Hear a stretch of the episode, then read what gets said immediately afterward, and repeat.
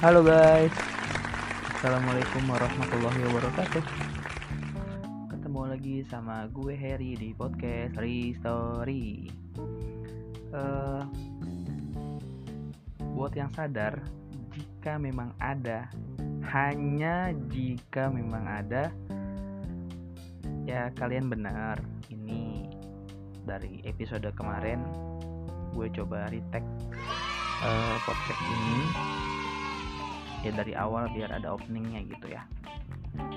Terus ya udah sekalian ngasih tahu kalau misalnya ada rekan-rekan atau pendengar yang mau ceritanya diceritain di podcast ini boleh cerita apa aja ya. Boleh hal serem atau pengalaman cinta kalian mungkin yang rumit dan berdrama Mungkin kalau emang kalian pengen bisa dikirimin ke sini, tentu saja nama kalian akan disamarkan.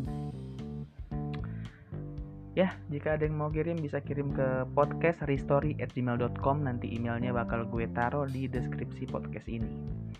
Untuk sekarang gue akan bawain cerita gue sendiri dulu. Cerita yang berjudul Bentuk dari Jiwa. Episode ketiga segera mengudara. Let's enjoy.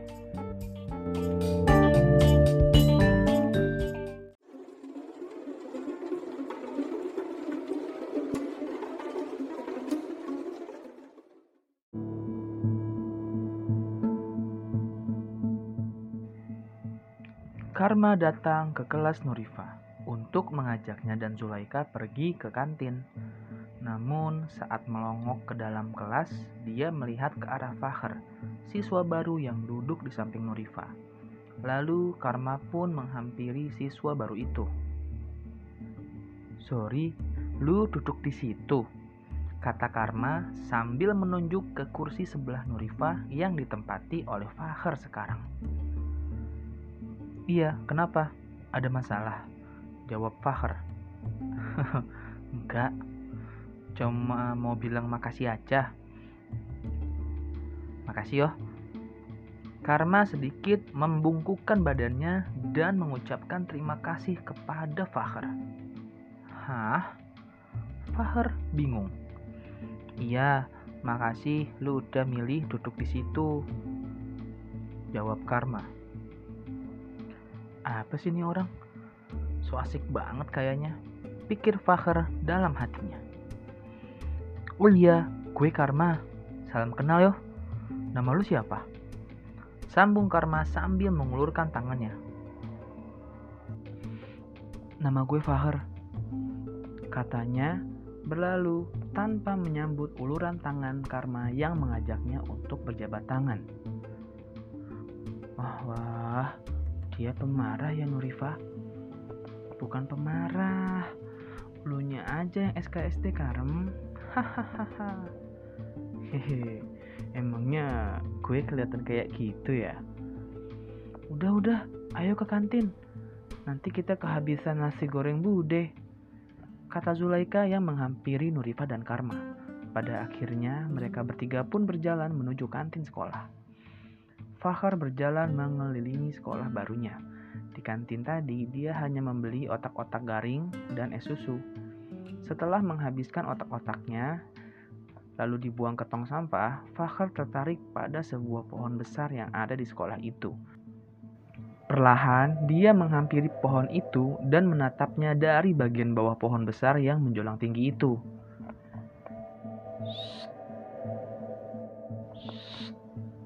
Hei, Samar-samar Fakhr mendengar ada suara yang mengusik rasa ingin tahunya. Karena penasaran, dia mencari asal suara itu. Dan ternyata suara itu berasal dari atas.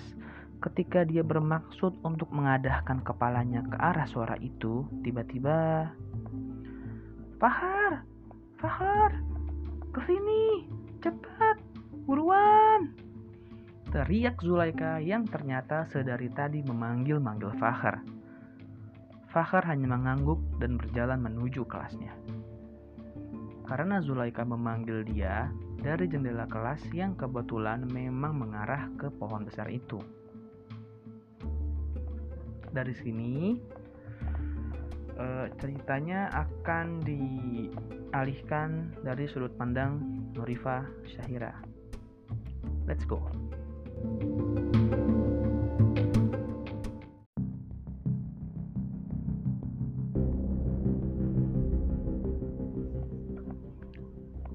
Laika, lu habis ngapain? Tanyaku pada Zulaika yang sepertinya habis teriak-teriak kepada seseorang yang ada di luar sana. Abis manggil Fakhr tadi, dia kayak bengong gitu di deket pohon angker itu, Fah. Gue takut dia malah kenapa-napa deh. Te Terus dia udah lu panggil ke sini kan? Bisa berabe kalau ada yang kesambet lagi di sana. Iya, tadi udah gue panggil kok. Untung dia masih nyaut.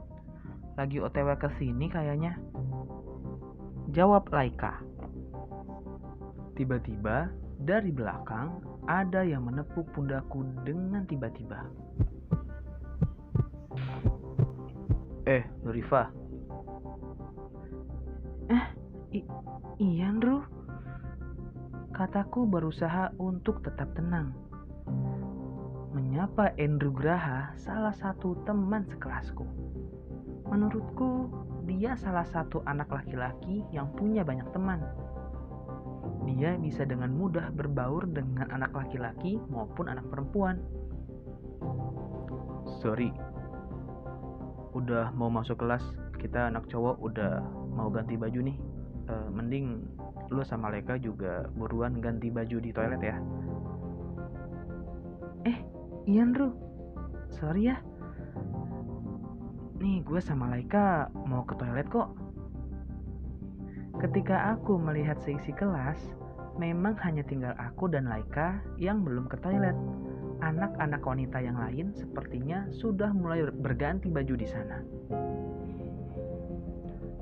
Aku langsung mengambil baju olahraga yang tersimpan di dalam tas dan tidak lupa untuk mengenakan sial merah kesayanganku di leher lalu mengajak Laika untuk ke toilet dan berganti pakaian.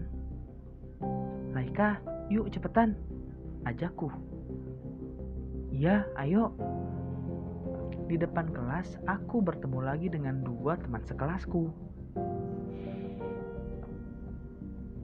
Duh, Sur, kok pundak gue makin pegel ya? Mana mau olahraga lagi? Kan gue mau nunjukin skill-skill super gue.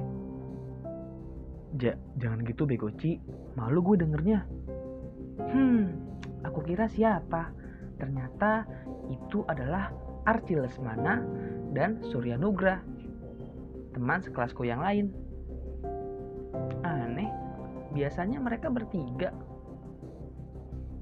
Oh iya, yang satu kan lagi nggak masuk. Hmm, tiga sekawan yang aneh. Pendapatku soal Archie dia anak yang sering membawa komik ke sekolah. Tidak jarang dia malah membaca komik saat jam pelajaran. Yang ini jangan ditiru ya. Dan tidak jarang pula dia berkata semacam suatu jurus seperti rasengan. Lalu dia menghantamkan telapak tangannya itu pada teman-temannya. Agak bingung sih apa yang dia lakukan itu sebenarnya. Lalu satu lagi, Surya Nugra. Menurutku, dia lebih pendiam dibanding Archie. Dan tentu saja, dia lebih dewasa dari Archie yang masih terlalu kekanak-kanakan. Bahkan menurutku, mungkin saja si Surya ini agak malu dengan kelakuan Archie itu. eh, tunggu. Apa itu? Ada sesuatu yang sedang menempel di bahu Archie. Hmm, mungkin karena itu ya, dia mengeluhkan pegal pada pundaknya. Itu bukan makhluk biasa. Haruskah aku menolongnya? Dengan kekuatan indera yang aku miliki saat ini, aku masih bisa kalau hanya mengusir makhluk selevel itu.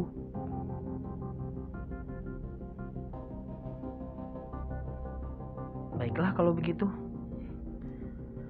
Aku akan menggunakan ajian yang sudah diajarkan oleh guruku kemarin.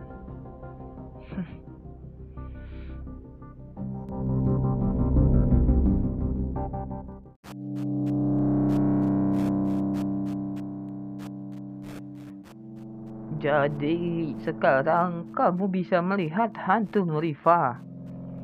Kata kakek dari ibuku yang memang memiliki indera sama sepertiku. Kejadian ini terjadi sekitar tiga bulan yang lalu. Beberapa waktu ketika aku jadi bisa melihat hantu seperti sekarang. Kakek Rohmin akhirnya memutuskan untuk mengajariku ilmu kebatinan. Agar aku tetap waras karena aku bisa saja jadi gila karena tiba-tiba aku jadi bisa melihat mereka. Kamu harus bisa mempelajari ilmu kebatinan ini Nurifa. Setidaknya ini bisa menjaga kamu jika ada dari mereka yang mengganggu kamu nanti. Tak, tapi kek, apa Nurifa bisa? Kamu pasti bisa, Nur. Karena kamu itu cucu kakek. Dan ketika kamu bisa mengendalikan kekuatan indramu sepenuhnya, niscaya kamu akan bisa membantu banyak orang. Tapi Nurifa gak mau punya kekuatan ini, kek. Nurifa mau normal lagi.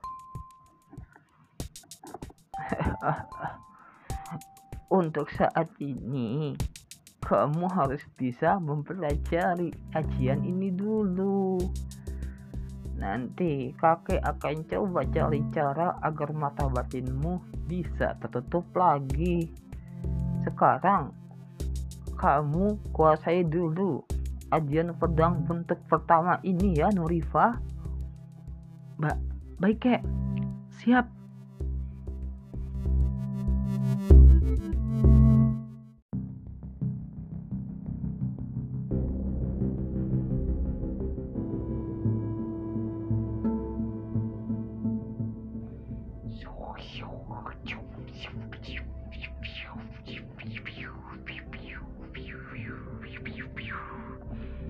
Aku memusatkan energi gaibku pada telapak tangan, dan aku membacakan ajian pedang untuk bisa melenyapkan makhluk yang ada di bahunya Archie.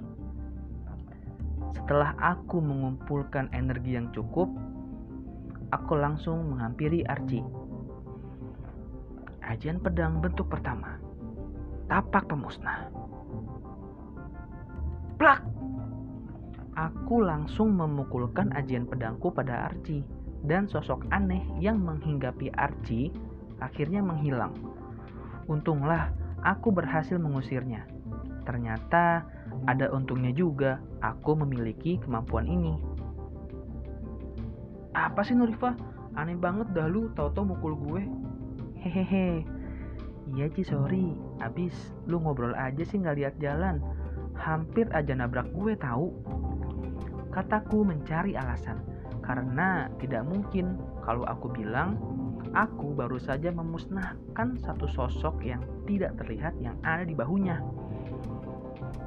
Loh, kok pundak gue enakan ya? Lo apain pundak gue, Fah? Wah, bener-bener enakan. Jangan-jangan lo bener-bener apa? Tiba-tiba Fahar muncul dari belakang dengan tatapan cueknya bertanya pada Archie. Ini dia nih anaknya. Ngapain lo tadi diem di sana? Kata Laika. Di pohon gede yang di belakang itu. Tanya Fahar penasaran. Lu anak baru ya? Lu nggak tahu itu pohon serem banget. Sambung Archie yang tidak kalah terkejutnya dengan Surya mengetahui kalau Fahar habis mendekati pohon besar keramat yang ada di sekolah ini. Ya mana gue tahu, gue kan juga masih baru di sini, kata Fahar menjawab. Fahar, sebenarnya lo punya indra kan? Tiba-tiba Spontan aku membisikkan itu kepada Fakhr dan dia hanya terdiam.